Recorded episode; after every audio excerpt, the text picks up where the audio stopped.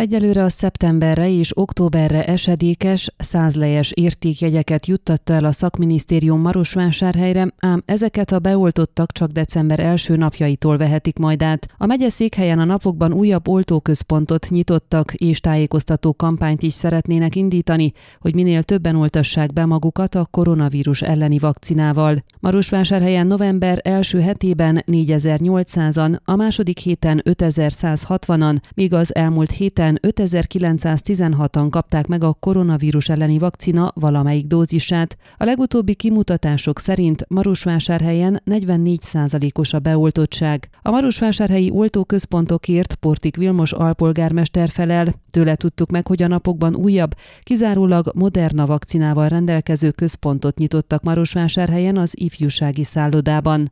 Erre részben azért volt szükség, hogy külön helyen lehessen igényelni ezt a típusú vakcinát. Emellett a Mihály Eminescu ifjúsági házban, a Városháza Víkend telepi vendégházában és a Tudor Vladimirescu általános iskola tornatermében lehet igényelni a védőoltást. Bár a helyi önkormányzatnak volt egy döntése, mi szerint a Tudor lakótelepen levő iskolai tornateremben nem működjön oltásközpont, ezt mégsem zárták be, hiszen az Oktatási Minisztérium rendelete alapján azokon a településeken, ahol a fertőzöttségi mutató meghaladja a 2000-éket, nem lehet zárt helyen tornaórát tartani. Így ezzel együtt jelenleg Marosvásárhelyen négy oltóközpont működik. Az egydózisú Johnson Johnson vakcinát a Vikend telepi vendégházban lehet igényelni, a sport teremben és az ifjúsági házban Pfizerrel oltanak. Mivel korábban gondok voltak az oltóközpontokban dolgozók juttatásainak biztosításával, megkérdeztük, hogy most mit lehet ezekről tudni. Mint Portik Vilmos alpolgármester elmondta, több százan vannak szerződéses viszonyban a városházával,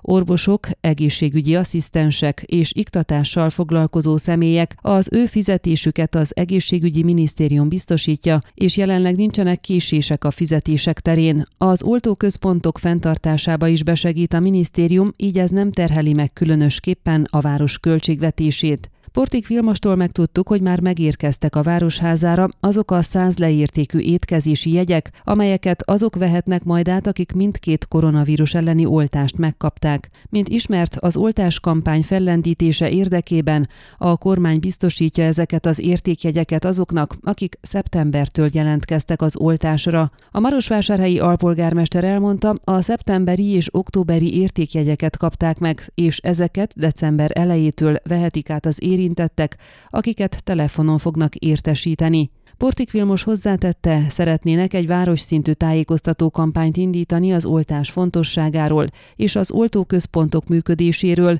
az elérhető vakcinákról, hogy ébren tudják tartani az oltási kedvet.